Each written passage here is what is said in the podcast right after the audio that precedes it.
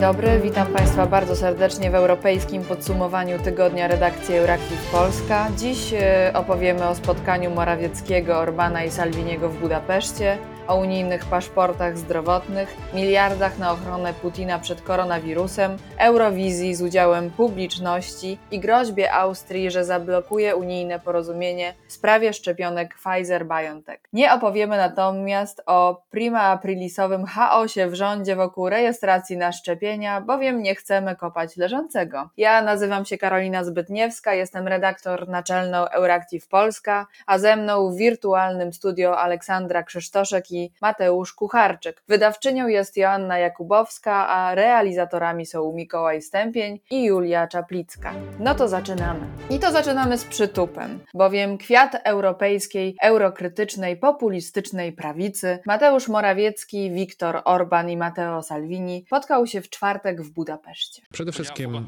chciałbym podziękować kolegom za to, że zaakceptowali moje zaproszenie i przybyli do Budapesztu. Jak Państwo dobrze wiedzą, pan premier Morawiecki jest znany na Węgrzech jako jeden z naszych najwierniejszych przyjaciół. No cóż, kim innym mógłby być polski premier, jak nie najwierniejszym przyjacielem Węgrów i zresztą jest to to samo uczucie, które mamy my w Budapeszcie względem Warszawy.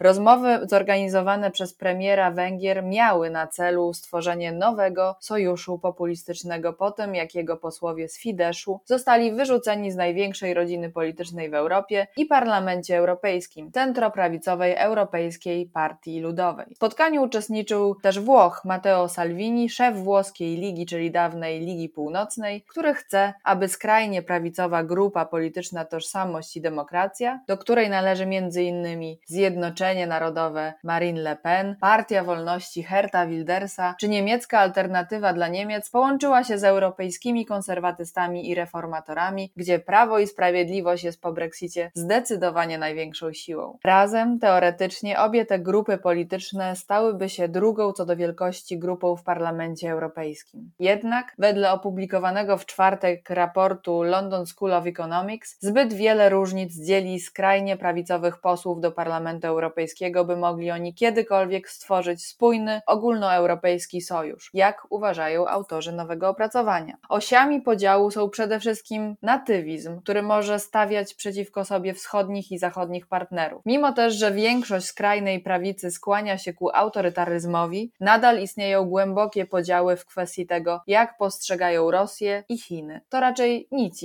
z ponadnarodowej współpracy, panowie, ale jeszcze zobaczymy. A teraz skrót pozostałych obiecanych informacji. Tak, komisarz do spraw rynku wewnętrznego Thierry Breton zapowiedział w rozmowie z francuskimi mediami, że. Tak unijny paszport zdrowotny będzie wprowadzony 15 czerwca. Komisja Europejska przedstawiła 17 marca dokument nazwany Zielonym Cyfrowym Certyfikatem, który byłby takim wspólnym unijnym potwierdzeniem uzyskania odporności na koronawirusa. Co dalej?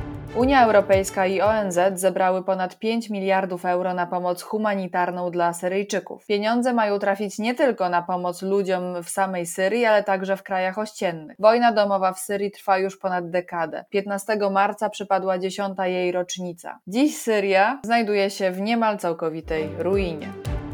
Igrzyska w Paryżu 2024. Czy będzie to pierwsza ekologiczna olimpiada? The three Olympic values are friendship, respect and excellence. For its 2024 Olympic bid, Paris is also aiming for responsibility and sustainability. The Paris Olympic Village, for instance, will consist in 3,500 apartments, built with 100% bio-based materials, using 100% renewable energy, a fleet of zero-emission vehicles, Rada Dyrektorów Letnich Igrzysk Olimpijskich w Paryżu w 2024 roku zatwierdziła strategię klimatyczną, która zakłada, że odbywająca się za trzy lata impreza będzie pierwszymi Igrzyskami Olimpijskimi i Paraolimpijskimi z celowo zminimalizowanym negatywnym wpływem na środowisko naturalne. Celem jest ograniczenie emisji związanej z organizacją wydarzenia o połowę. A co w Rosji? Aleksiej Nawalny rozpoczął strajk głodowy. Ogłosiłem głodówkę z żądaniem respektowania prawa i dopuszczenia mnie do lekarza. Zamiast pomocy medycznej mam tutaj tortury poprzez pozbawianie mnie snu. Jestem budzony 8 razy w ciągu nocy, przekazał przez swoich prawników.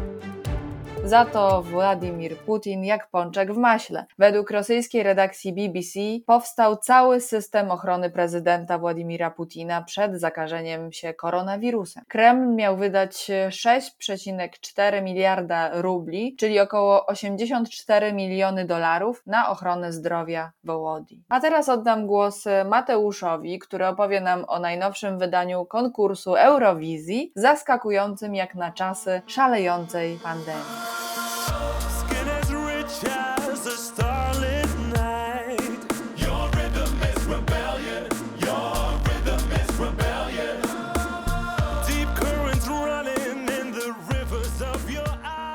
Podczas gdy w Europie kwitnie imprezowe podziemie, władze Holandii testują przywracanie normalności w postaci organizowania imprez masowych z udziałem publiczności. W czwartek zapadła decyzja o wpuszczeniu na tegoroczny konkurs Eurowizji w Rotterdamie, odbędzie się w maju, do 3,5 tysiąca osób.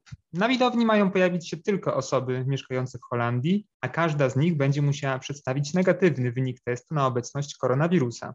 Jest to element programu o nazwie Laboratorium Terenowe, w ramach którego e, pod ścisłą kontrolą organizowane są w Holandii imprezy masowe. Dotychczas w ramach testów odbyły się na przykład koncerty, a niedawno około 5 tysięcy fanów piłki nożnej obejrzało mecz drużyn piłkarskich Holandii i Łotwy w Amsterdamie. Ale nie oznacza to oczywiście, że w Holandii skończyła się już epidemia koronawirusa. Do kraju nie można wjechać bez negatywnego testu na COVID-19 i wciąż obowiązuje godzina policyjna, a w ubiegłą sobotę, kiedy reprezentacje Holandii e, i Łotwy grały piłkarski mecz, zanotowano rekordową liczbę prawie 9 tysięcy osób zainfekowanych koronawirusem.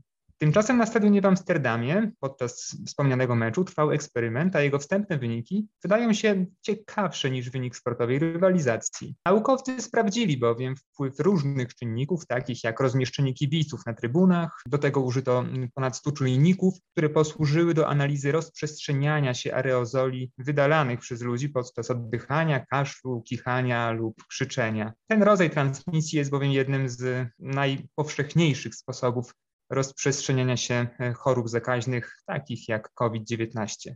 Na stadionie w Amsterdamie nie było żadnych restrykcji, a przetestowani wcześniej kibice nie musieli zachowywać odstępu. Przeważnie też nie mieli masek e, ochronnych, a w zamian za to głośno dopingowali swoje drużyny.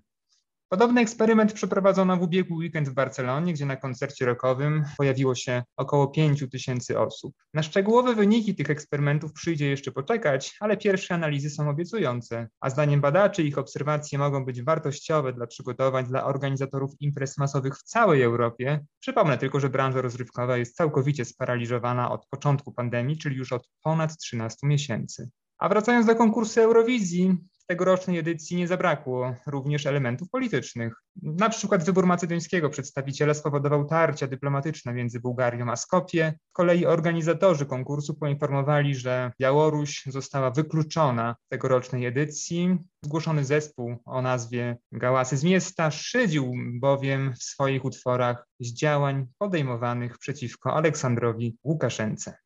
Teraz przeniesiemy się wraz z Olą do Austrii, która grozi Komisji Europejskiej zablokowaniem umowy z dostawcami szczepionek. Olu.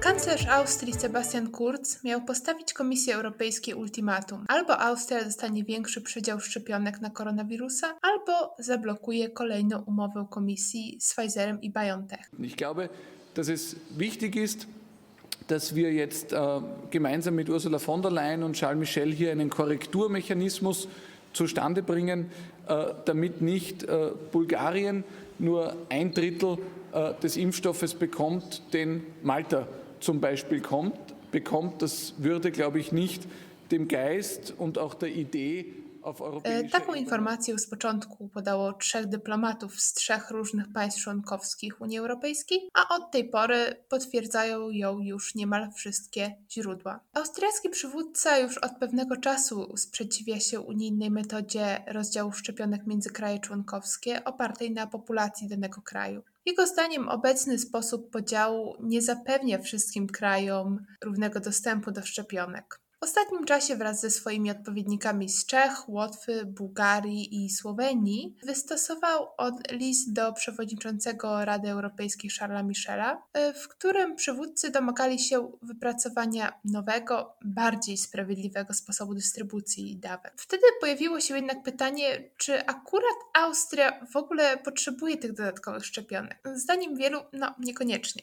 Kraj ten, co prawda, od początku pandemii okrył się nie najlepszą sławą ze sprawą ognisk koronawirusa, zwłaszcza w Tyrolu w czasie dwóch pierwszych fal pandemii. Tyle, że Tyrol rządzi się niejako swoimi prawami, bo to region narciarski, a gdzie kurorty narciarskie, tam zazwyczaj jest więcej zakażeń. Ogólnie natomiast Austria znajduje się w unijnej czołówce, jeśli chodzi o tempo szczepień, a zarazem w drugiej połowie pod względem liczby przypadków koronawirusa. Sprawa szczepionek była omawiana na szczycie Rady Europejskiej w ubiegłym tygodniu. Kurz miał domagać się przyznania Austrii większych niż dotychczas przydziałów dawek. Ostrzegł, że w przeciwnym układzie Wiedeń może zablokować unijną umowę z konsorcjum Pfizer-BioNTech. Stawka jest wysoka, bo kontrakt ten ma opiewać na 100 milionów szczepionek. Dyskusja zakończyła się jednak na potwierdzeniu przez przywódców poparcia dla obecnego systemu podziału, czyli tego opartego na populacji poszczególnych krajów. Postawa Sebastiana Kurza spotkała się z ostrą krytyką w państwach członkowskich. Anonimowy przedstawiciel jednego z państw powiedział wręcz, że grożąc blokadą umowy z dostawcą szczepionek, Kurz ryzykuje życie 50 milionów Europejczyków i to dla czegoś, czego nawet nie potrzebuje. Zasugerowano też, że działania szefa austriackiego rządu mają na celu zrzucenie na Unię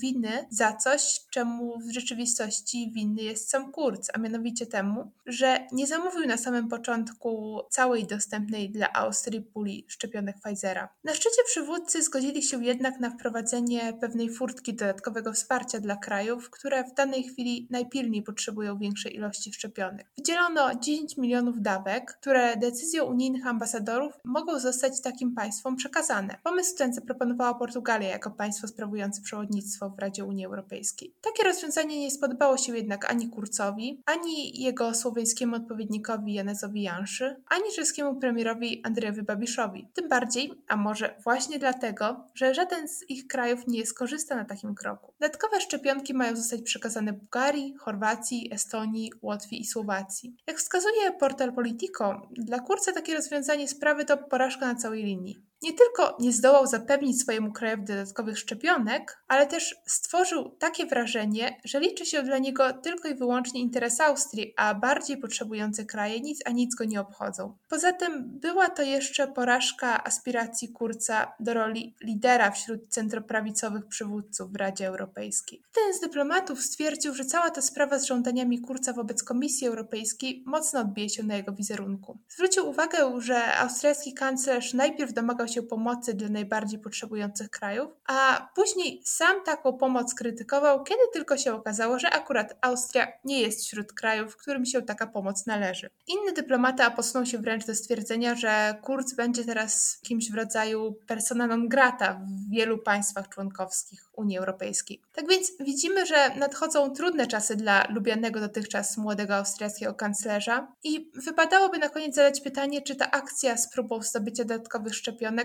w ogóle była tego warta, skoro i tak zdaniem wielu skazana była na porażkę.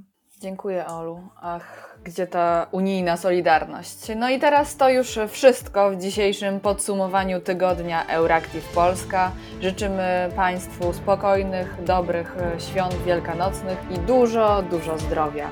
Do usłyszenia za tydzień.